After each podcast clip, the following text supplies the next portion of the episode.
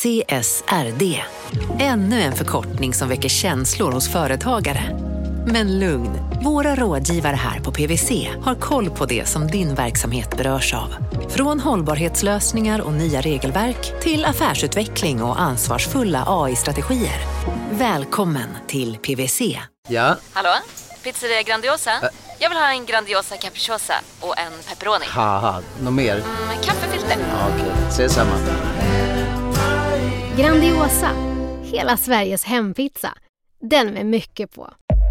Upptäck hyllade XPeng G9 och P7 hos Bilia. Våra produktspecialister hjälper dig att hitta rätt modell för just dig. Boka din provkörning på bilia.se xpeng redan idag. Välkommen till Bilia, din specialist på XPeng.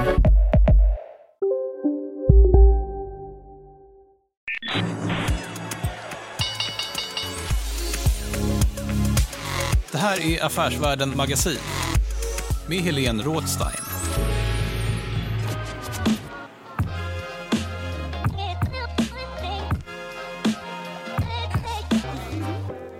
Du hade ju någon gång när det inte var så... eh, Du, du slår dig lite i ansiktet, vadå? Jag bara dampa upp mig lite. I... Nu är det på inspelning. Kan du säga intro? Gör ordentligt nu som du gjorde. Inte så pajigt när jag, om jag ska börja säga något. Jag är lite proffsig. Vi säger hej och hjärtligt välkomna till podden Affärsvärlden Magasin där vi varje måndag fördjupar oss i affärsvärldens journalistik. Jag heter Helene Rådstein och jag är reporter på Affärsvärlden. Och nu sitter jag här med John Skogman som är daytrader och en av duon i Börspodden. Välkommen hit! Tack Helene, det är kul att få vara här igen. Ja, för det är ju faktiskt eh, drygt ett år sedan som du var med i podden. Och eh, det var ju ganska så här, turbulent vår får man väl säga, eller? Ja, det har väl eh, varit ett av de vildaste börsåren eh, någonsin kan man nog säga. Någonsin, eller? Ja, tycker jag man kan säga. I alla fall det jag har varit med om. Ja. Hur många år är det? 20 kanske? Ja, lite åt eh, det hållet. Men man har ju varit hundraprocentigt dedikerad till börsen, i alla fall de senaste eh, 15 åren. Men hur länge har du varit daytrader? Eh, Jag började 2010. Mm, 2010. Hoppade, eller slutade på Remium då. Så det är 11 år nu har jag överlevt här. Men du, om du blickar tillbaka då. Om vi tar förra våren och eh, corona kom och sådär. Hur tänkte du då? Nej, men man var väl som alla andra tänkte att det här skulle gå över ganska fort och att eh, det absolut inte i den vildaste fantasin kunde tro att eh, vi skulle ha ungefär, eller ännu värre restriktioner nu ett år eh, senare. Så att eh, det har ju blivit eh, eh, och så att det blev helt tvärtom på börsen då, att börsen står högre än den har gjort någonsin. Det är väl nytt all time high idag här på fredagen. Så att det har ju varit lite upp och nervända världen och har väl eh, lurat i princip alla människor. Det är ingen som har kunnat förutspå den här utvecklingen, vare sig på eh, viruset eller på börsen. Men du är nöjd? Jag sitter ju här i alla fall och får fortfarande prata om börsen så att jag har ju överlevt och eh, det är som James Bond säger, live to die another day. Och eh, mycket gäller ju det på eh, börsen att det är man kommer inte vara bäst hela tiden, men det gäller att inte vara sämst heller. Så kan man ha en ganska skön tillvaro. Och det finns väldigt många sätt att tjäna pengar på börsen. När du var här förra gången så pratade du om att du såg ändå för ett år sedan när, i den nedgången så pratade du om att det här är faktiskt ett köpläge. Vad har du gjort för någonting? Vad har du köpt under året? När jag var här förra gången så var det, pratade vi mycket om eh, spelbolagen där, hur de bara gick ner. Eh, och eh, sen fortsatte det ännu mer ner en bit i och med att man ställde in alla evenemang. Och det var ju något man inte riktigt eh, kunde tro först. Först tänkte man att publiken inte fick komma, men att evenemangen eh, skulle Eh, fortsätta matcherna. Alltså EM blev inställt, OS blev inställt. Eh, det var ju helt eh, nattsvart om det inte finns något att spela på. Och jättetråkigt för mig som älskar att titta på Premier League. Men sen tog väl ändå världens ett förnuft till fånga där och eh, man eh, började spela matcherna igen. Och eh, då blev det istället massa matcher som var, hade blivit uppskjutna och missade. Så att det blev jättebra för spelbolagen. Absolut var, har ju det varit en bra trade eh, under året. Mm. Är du rikare än någonsin nu? Ja, men det får man väl säga. Börsen är på all time high och då borde jag också vara det. Hur mycket rikare är du då? Jag vet inte, jag räknar inte. Det var någon rik amerikan som sa att eh, om du vet hur mycket pengar du har så har du för lite. Men vad tror du själv? Sju miljoner? Det blir bara löjligt att eh, prata om sådana siffror om du till exempel har eh, Harald Mix eh, som du hade för något avsnitt eh, sen här. Mm. Jag får glad med det lilla som de brukar säga, men jag klarar mig. Mm. Men när vi talades vid tidigare så sa du att du hade, du hade inte gått med i de största uppgångarna och du hade hållit dig från härvorna, de största härvorna. Ja, men det är en viktig grej att inte ha som drawdown som hedgefonderna och pokerspelare pratar om. För att det, väldigt jobbigt att börja kämpa ikapp eh, stora förluster. Nu har man väl i mångt och mycket blivit räddad av börsen på i princip alla eh, investeringar man har gjort, för allt har ju bara gått upp. Eh, men det har ju varit eh, stora möjligheter att eh, blanka bort sig också. Så att eh, det är viktigt att inte slarva bort eh, pengarna. Och eh, gör man det så kan man då och då ha lite tur och träffa rätt. Så då kan det bli ett bra slutresultat även om man inte träffar de eh, största raketerna. Men vad tänker du om det nu när du inte har gjort det? Är det något som du tänker, fasen, varför gick jag inte in här? Alltså om man ska backtrada och eh, vara arg på sig själv så är det fel jobb med att vara daytrader. Utan det kan göra otroligt ont en eller två dagar.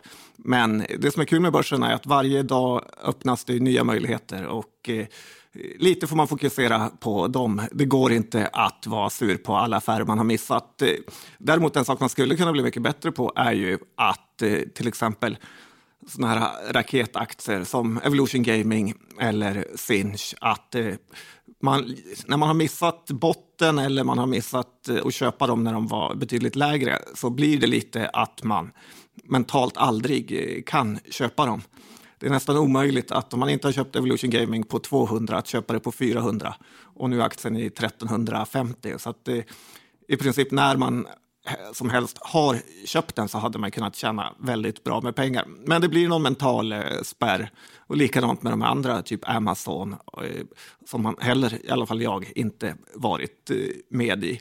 Men mycket som daytrader handlar ju ändå inte om att eh, hitta de här megatrenderna utan eh, man försöker tjäna en liten hacka i varje dag eller i veckan. Sådär. Vi satte igång klockan tio.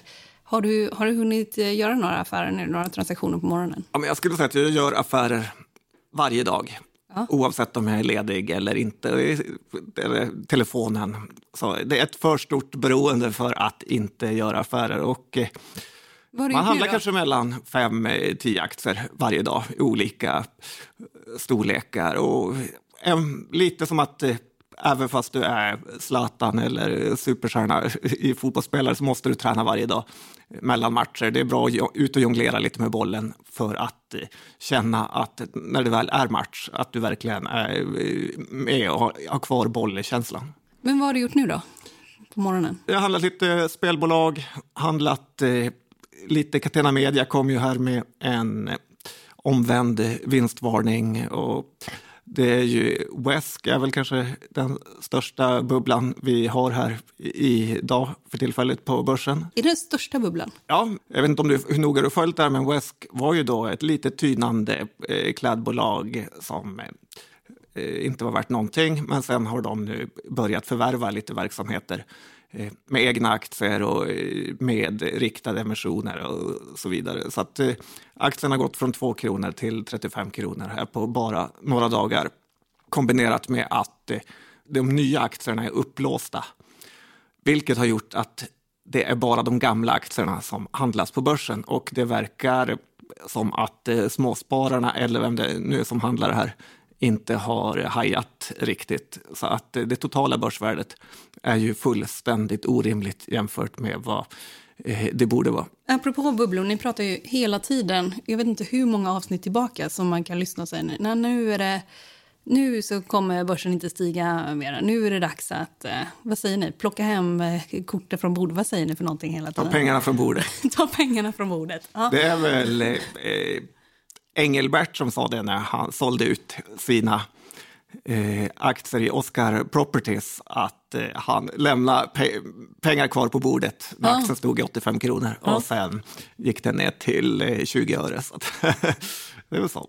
Men vad tror du framöver? För ni har ju sagt så, är det ett halvår ni har pratat på det sättet? Nej, men det är klart, ju lägre börsen är så är det ju ofta eh, bättre att eh, köpa. Och nu när börsen är på all time high så finns det ju mindre intressanta case, eh, tycker jag. Och sen kan ju den fortsätta upp i all oändlighet och på lång sikt eh, går ju börsen eh, uppenbarligen upp. Men det är ju betydligt högre risk att köpa bolag på de här absoluta toppvärderingarna kombinerat på att man har enorma förväntningar på vinsterna. Och det är möjligt att Eh, det är ett stort uppdämt eh, behov som finns nu eh, 2021. Men att börsen brukar ligga lite framför och 2022 är det möjligt att det återigen kan bli lite svagheter. Plus att det kommer ju hela tiden oväntade saker som man inte vet om. Och är man då hela tiden fullinvesterad så är det svårare att agera när tillfällena ges. För att eh, det kan vara värt att eh, låta de här 10-20 procenten eh, som kanske finns kvar i aktier eller på index, att man låter det vara mot att man har en kassa, alltså cash, pengar då, som man kan eh, köpa om börsen kraschar. För vi såg ju även under coronakrisen här vilka ofantliga möjligheter det faktiskt ges på börsen om du har pengar. Men eh, det är det som är problemet, ingen har pengar. Det är därför aktierna kan gå eh, så lågt. Men har man då eh, lite pengar själv så kan det uppväga väldigt mycket av att man har missat uppsidan under en hås. Du har ju själv något konto där du sätter av pengar för att du inte ska handla bort det. Hur mycket har du på det kontot då? Nej, men det är så att... Jag, en, en miljon?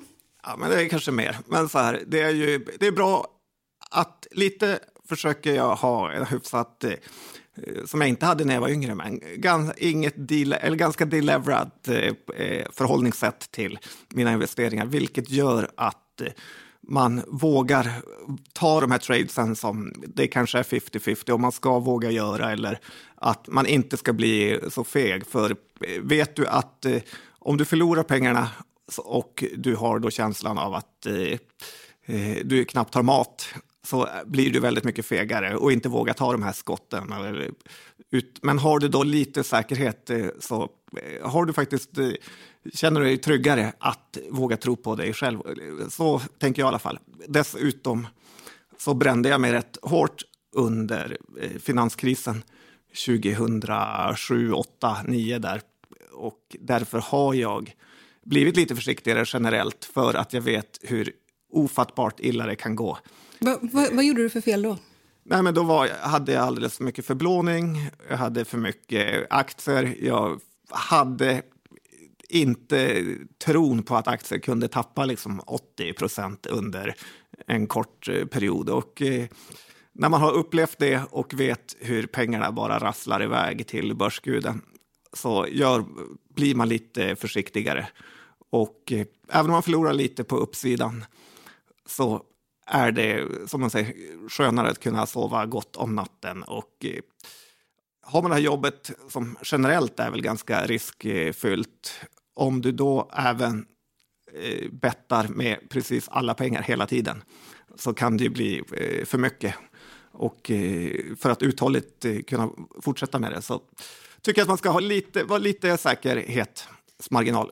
Man pratar ju ganska mycket om, håll, om hållbarhet och sådär. Och du är inne på liksom att vara en hållbar trader kan man ju säga, eller? Ja, nej men visst, man tar säkert mycket större i bett i vad gäller pengar och eh, så. Men eh, inte så att eh, man kan förlora allt. Men om man inte hade tagit så stora risker, då hade du kanske inte... Alltså, jag tycker många så här pratar om att man ska ta det lite lugnt och sådär, men du har ju också sagt många gånger så här, det gäller ju att eh, man blir ju rik en gång bara. Alltså, det är inte bara så att det ska ticka på. Nej, men Per H Börjesson eh, gillar ju det här att bli rik eh, långsamt. Ja. Och eh, enligt hans teori, om du sparar 170 kronor i månaden på börsen så har du en miljon om 40 år. Och eh, Per H får nu uppdatera sig lite på vad man får för en miljon i dagens värld för att eh, det är inte särskilt mycket. Eh, och ja, alltså tittar man på börsen och företag generellt så är det ju mycket yngre killar som verkligen satsar allt. Och eh, det är väl det positiva med att vara ung, att man har verkligen råd att eh, gå fel några gånger eller bränna sig och förlora pengar. För du behöver bara bli rik eh, en gång. Och träffar du ett Evolution Gaming eller Amazon så, ja, så kan du vara klar då, om man säger så. Så att, det är väl lite det jag tänker på. Och eh, såklart gäller det för den breda massan. Om de kan eh, spara lite pengar på börsen så kommer ju det vara otroligt eh, bra eh, att göra det för deras liv och ekonomi. För åren går ändå och då är det bättre att ha de här pengarna än att inte ha dem.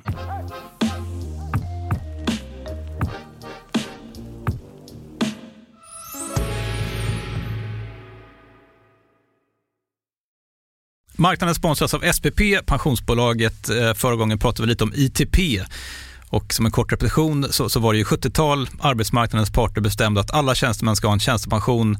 Man kom överens om vilka villkor som ska gälla i den här pensionen och så kallade man den för ITP. Så jobbar man idag som tjänsteman i ett företag med kollektivavtal, då har man förmodligen den här pensionen, ITP-pensionen. Eh, och det är ju så att man kan påverka eh, den här pensionen, hur den är placerad. Vart femte år så gör nämligen Collectum, som de heter, en enorm upphandling där olika pensionsbolag kan ansöka om att få förvalta eh, de här pensionerna. Och SPP är ett av bolagen som valdes ut i den senaste upphandlingen. Och sen kan du som pensionssparare välja eh, vilket av de här olika pensionsbolagen som, som då ska få ta hand om dina pengar.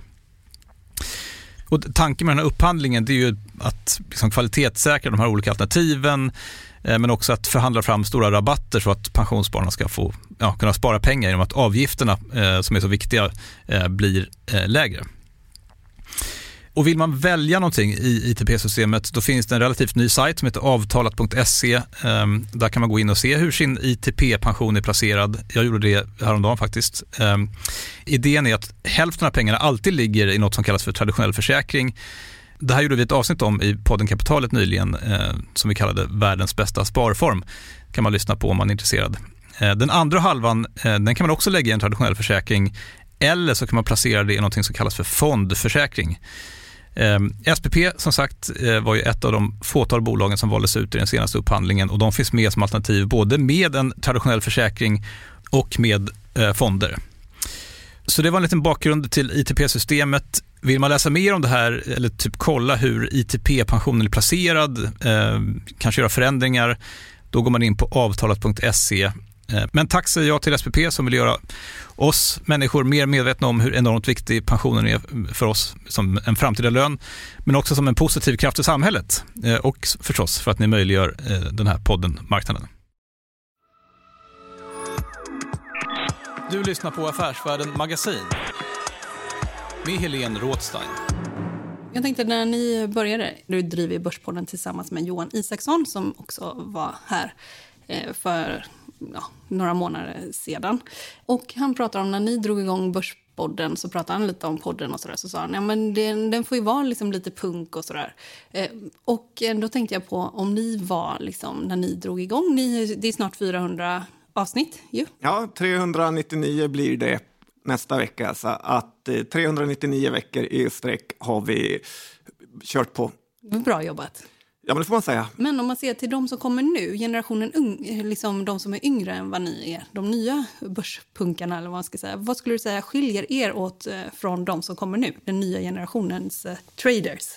Nej, men det är ju nästan som det alltid är, att det är betydligt eh, vildare till. Det har, ju, alltså det har ju kommit en hel inte bara en yngre generation utan liksom helt nya människor som kanske inte har varit på börsen eh, tidigare som i, i och med den här börshaussen som har varit. Eh, och eh, det har ju dragit till sig eh, folk som inte riktigt kanske har ekonomiska utbildningen eller kunskapen eller tänker att börsen är faktiskt för bolag utan att det är mer kasinospel för dem. Så att, och det är också man märker ju det på, det är en betydligt eh, högre aggressivitet nu där ute bland, eh, på Twitter och på, i chattforum och liknande.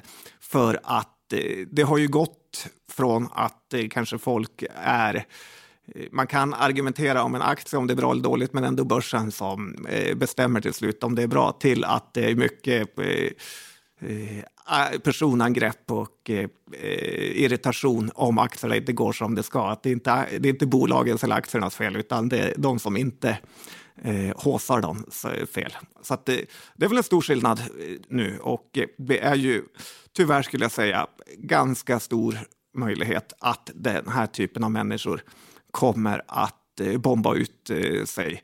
Vi har sett i GameStop hur det har kommit 30-40 000 tals ägare som i princip inte kan något om aktier som har börjat handla den för fullt. Vi har eh, många andra exempel på det med. Och, eh, ja, det här är nog inte personer som långsiktigt kommer att vara framgångsrika på börsen. Eh, när GameStop-gate, eh, eller kan man säga nästan stormningen av eh, den aktien, när det drog igång, eh, vad, hur tradade du då? Nej, men det är ofta att man inte riktigt eh, förstår, eftersom ingen hade sett det här innan så, eh, så förstår man inte vad som håller på att hända eh, förrän eh, efteråt. Och, eh, man får väl nästan vara glad att man inte har förlorat pengar på det här istället. För även de här 28 000 som är inne i GameStop och den har gått upp mycket så skulle jag tippa på att 90 procent av dem egentligen har eh, förlorat pengar. Men det är ju också många hedgefonder som fick i princip lägga ner på grund av det här och som man kanske läser om. Jag skulle säga att i stora hela är det nog tyvärr så att det, det är småspararna, de tror de har eh, satt dit hedgefonderna och Wall Street, men det är precis eh, tvärtom. Visst, någon hedgefond har kanske kört in i väggen, men i det stora hela så är det eh, Wall Street som har tjänat jättemycket pengar på det här och eh, det är småspararna som då sitter med stora delar av det här bolaget som inte är i närheten förmodligen värt vad eh, de tror att det är. Men gav du dig in i det själv också? Ja, men det blir som man handlar ju allt lite för skojs skull, se hur det är. Men det är inga sådana här livsavgörande bett. Men eh, absolut så var det ju en kul period när eh, Wall Street Bets, eh, WSB, var att deras case överallt eh, gick. Det gällde ju inte bara eh, GameStop, utan det gällde ju väldigt massa aktier som varje ja, Men det var väl Nokia, allt möjligt? Alltså, ja, precis. Ja. Och även väldigt många som, i amerikanska aktier som vi inte har hört eh, talas om här egentligen. Och eh, Johan gjorde lite roliga saker, att han följde med tråden och så skickade han ut vilka tips de hade. Eh, och aktierna gick upp 100 procent eller så gick de ner 40 procent. Eh, så att det, det, har ju... Ja, Skickade du ut i er chattgrupp? Eller? Ja, ja, och det har ju varit, det, alltså, var ju en liten game changer av hur eh, börsen, eh, liksom, hur det blev på börsen. Men långsiktigt så är det här ju fullständigt oh, alltså det kommer ju försvinna och det har väl försvunnit till stor del för att det är ju riktiga pengar. Och det är kul kanske en, två gånger att köpa Nokia 40 procent för dyrt eller GameStop några hundra procent för dyrt. Men när du sen loggar in på ditt konto och dina pengar är borta så eh, tyckte du inte att det var lika kul att sätta dit Wall Street för att det var faktiskt du som blev eh, ditsatt. Men kan man tänka sig att man kommer få se fler sådana liksom, eh, ja, sociala medier-stormningar framöver? Ja, absolut. Ju mer gamification det blir av börsen, ju mer kreti och pleti som är inne, eh, så blir det ju konstigare händelser som händer. Men alltså, i grund och botten är det en bra sak att folk intresserar sig för börsen och eh, sparar där. Och om då de här 20-åriga killarna bränner sig och förlorar allt i eh, GameStop eller eh, vilken aktie det nu kan vara, så långsiktigt är det förmodligen bra för dem att de får upp ögonen för börsen. Jag kan nästan tippa på att 80 procent av alla traders som håller på nu och många andra framgångsrika investerare har i princip börjat sin investerarkarriär med att bli av med alla pengar. Och det, är, ja, det är lite så det fungerar. Du har också blivit av med pengar flera gånger. Ja, uh -huh. jag har väl i princip varit fattig ja, två gånger skulle jag säga. Och det ja, men 2001 när alla aktier gick ner med 90 procent och sen 2008 ja. var jag också i princip eh, bankrutt under en period. Ja. Så att, eh, men då hade jag, alltså, då hade man inte så mycket pengar heller. Så det, det, är inget, det är inte Refat El Sayed härver, utan det är mer en kille som har haft eh, en, en eh, tuff period med sin depå. Vad det gäller då, om du ska blicka utanför börsen, vad gör du för andra investeringar? Nej, men det är, jag tycker börsen är ett bra ställe att ha sina pengar på. Så att eh, det är där jag har mina eh, pengar. Och eh, jag eh, tycker att det är så enkelt med börsen. För att om du köper ett hus eller hyreshus eller du köper skog eller du, vad du än vill köpa så är det otroligt mycket meck att eh, sköta om det och vara sån här landlord, alltså hyresvärd. Eller om du har en skog måste du gå och gallra lite, för det är så du får avkastningen i princip, att du är lite om dig och kring dig.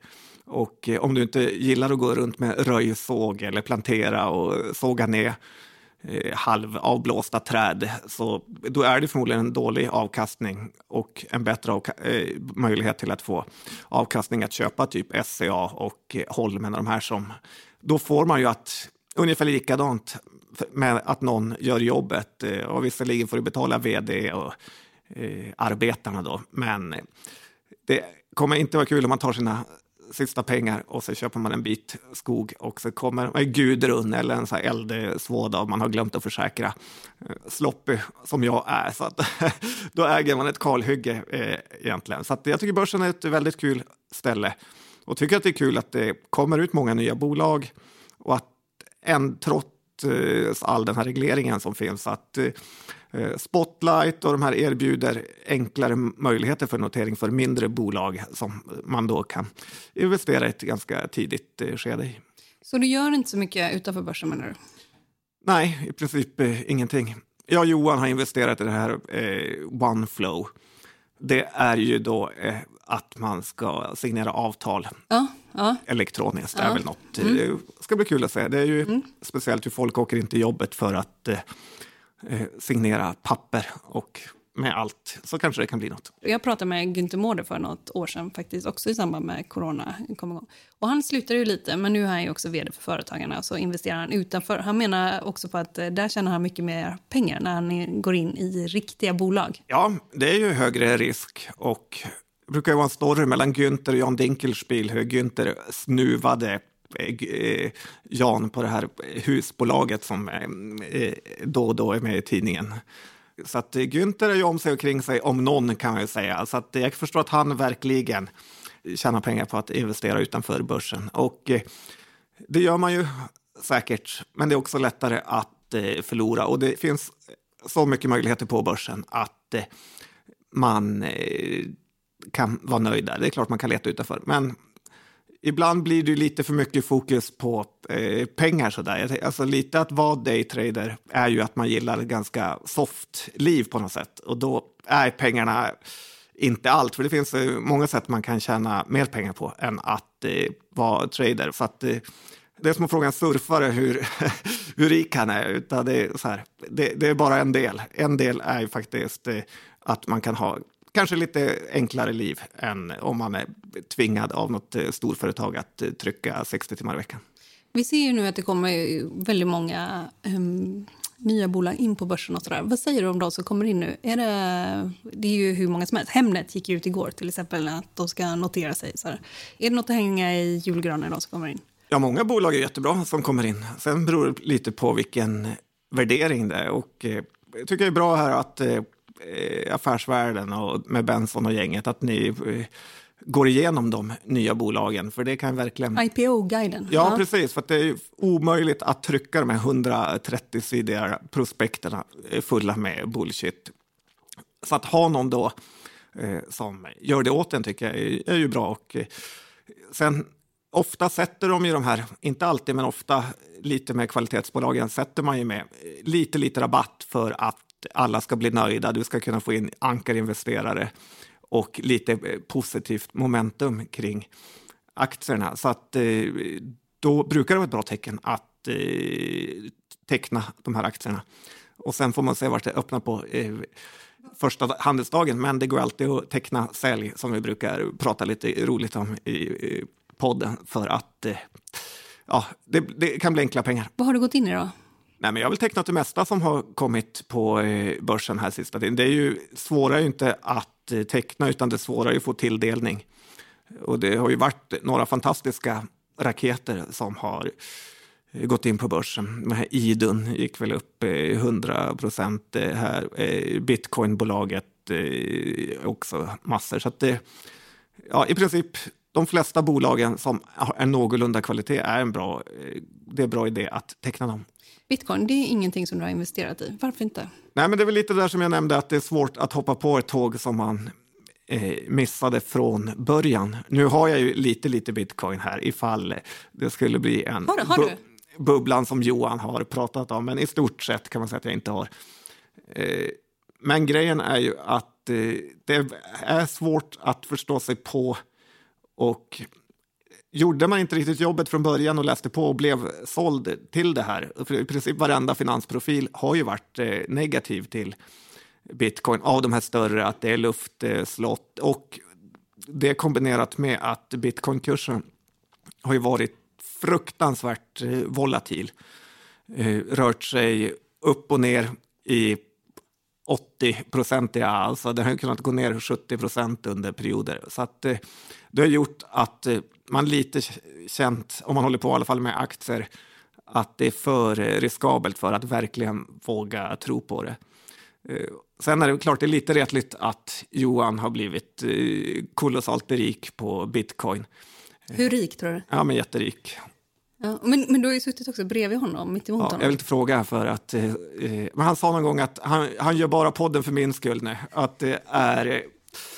Det är mer som en hobby för honom nu. Så att, eh, det, säger vi lite. Du lyssnar på Affärsvärlden Magasin med Helene Rådstein. Eh, marknaden sponsras av Karla. Eh, vi pratar ju en hel del om bilar här på kontoret. Karla har ju skapat, skulle jag säga, det som är standarden för hur man idag köper och säljer bilar på nätet. Eh, kort bakgrund bara. Eh, Karla säljer och leasar begagnade elbilar eh, och laddhybrider på karla.se. Alltså en helt eh, digital upplevelse. Och man har gjort det här med ett nästan maniskt fokus på vad en bilköpare faktiskt behöver. Jag gjorde ju en intervju med en av grundarna, Patrik Illerstig, i marknaden här eh, ganska nyligen, eh, daterad 25 mars, om man vill lyssna på den Eh, men där berättar han hur de kom in i det här lite från vänster för att försöka uppfinna hela den här liksom bilköpupplevelsen från början. Och de har idag, vilket är rätt otroligt, 4,8 i betyg eh, på Trustpilot. Jag, jag har sett många företagssidor på Trustpilot, men det här är nog bland eh, det bästa jag någonsin sett faktiskt. Man kan sälja bilen till Karla också. Då går man in på karla.se, delar lite info om bilen, sen får man en gratis värdering och ett bud de hämtar bilen helt gratis i hela Sverige och så har man pengarna på kontot i samma stund som de hämtar bilen. Det är grymt. Eh, så ska du köpa en ny bil eller sälja din gamla, eller båda delar för den delen, gå in på karla.se och eh, kolla. Alltså karla.se och Karla stavas med C. Tack så mycket till Karla.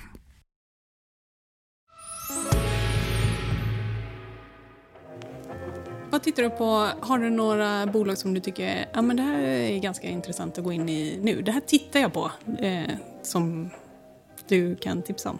Ja, men det är som vi sa, nu när börsen är på sitt eh, brutalaste all time high så finns det mindre case att eh, titta på. Det kanske är läge att vara lite mer rädd om eh, pengarna än att jag sitter ute och spottar ut mig case här som det är lätt att göra bort sig på. Eh, men det, det, det, finns alltid case på börsen, sen beror det på hur långsiktig man är eller hur kortsiktig man är.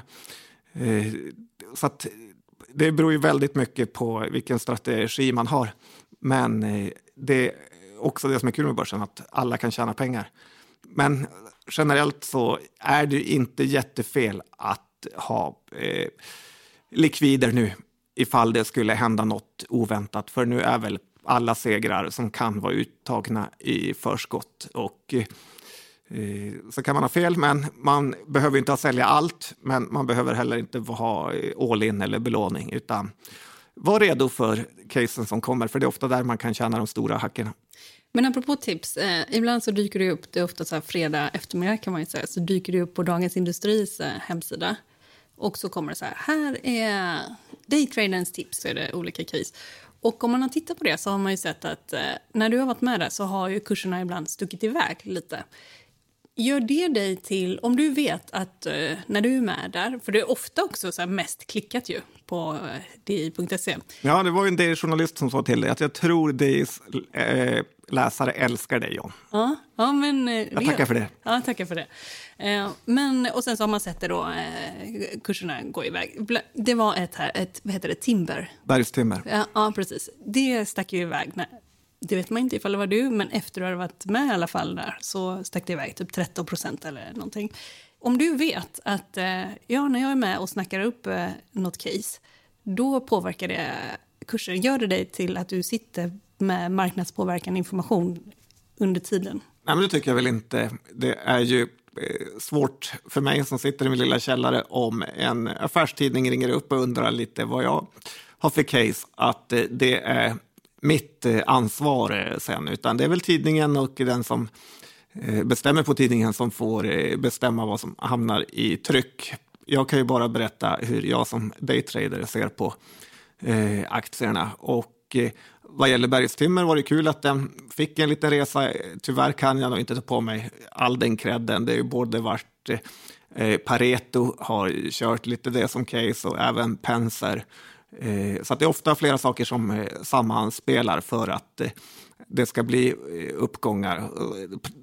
Tittar vi på till exempel Nimbus eh, som vi också pratar om den artikeln, så eh, gick ju den aktien ner. Så att, eh, det är inte alltid lätt eh, och man vet inte vart eh, aktierna får sina eh, uppgångar och nedgångar ifrån faktiskt. Men som sagt, Gardell och GV och gänget har ju under lång period, framförallt Gardell har väl haft fritt spelrum i all svensk finanspress att kunna håsa sina case, Ericsson bland annat. Och sen använt uppgångarna till att eh, sälja aktierna rakt in i det flödet. Så att jag tycker... eh, Är det förebilder? Nej, men jag tycker att eh, det är väl ett litet nyhetsvärde vad folk tycker har för eh, uppfattningar om olika aktier. Och om man inte ska våga skriva någonting så finns det heller in- ingen anledning att ha en eh, tidning. Uppenbarligen är det ju väldigt intressant eh, eftersom eh, folk gillar att läsa de här artiklarna. Så att, eh, jag tycker bara att det är kul. Man får ju själv som aktieköpare ta på sig ett eh, eh, förstå varför man köper en aktie. Så att eh, vare sig det är jag, Gardell eller GV så har du ju ditt egna ansvar till att eh, ja, vad du gör med din portfölj. Känner du att du har något ansvar? Sådär? Nej, jag menar om du börjar lägga ansvar på en daytrader så får du Du ju... får skylla sig själv. ja. Men eh, jag vet att du springer mycket. Eller hur? ja, men det gör jag faktiskt. Ja. Det är ett enkelt sätt att eh, motionera på tycker jag. Kul med. Mm, ska du göra helgen? Ja, vi får se om det kan riva av någon mil. Ja. Eller Hur två. mycket blir det i månaden? Jag har väl inget schema riktigt, utan är ungefär som på börsen, ganska luststyrd i hur mycket jag springer. Men eh, det blir säkert någon eh, mil och Om dagen? ja, nästan. Ja, man slår ut i alla fall. Jag säger tack till dig, John Skogman från Börspodden och som också är daytrader. Tack för att du var med i podden Affärsvärlden Magasin. Vi kanske ses igen om ett år. Ja, det hoppas jag. Tack för det, Lena. Du har lyssnat på podden Affärsvärlden Magasin. Mer information och fördjupande journalistik finner du på affärsvärlden.se. Och den här podden är tillbaka om en vecka eller veckan efter det. Håll ut!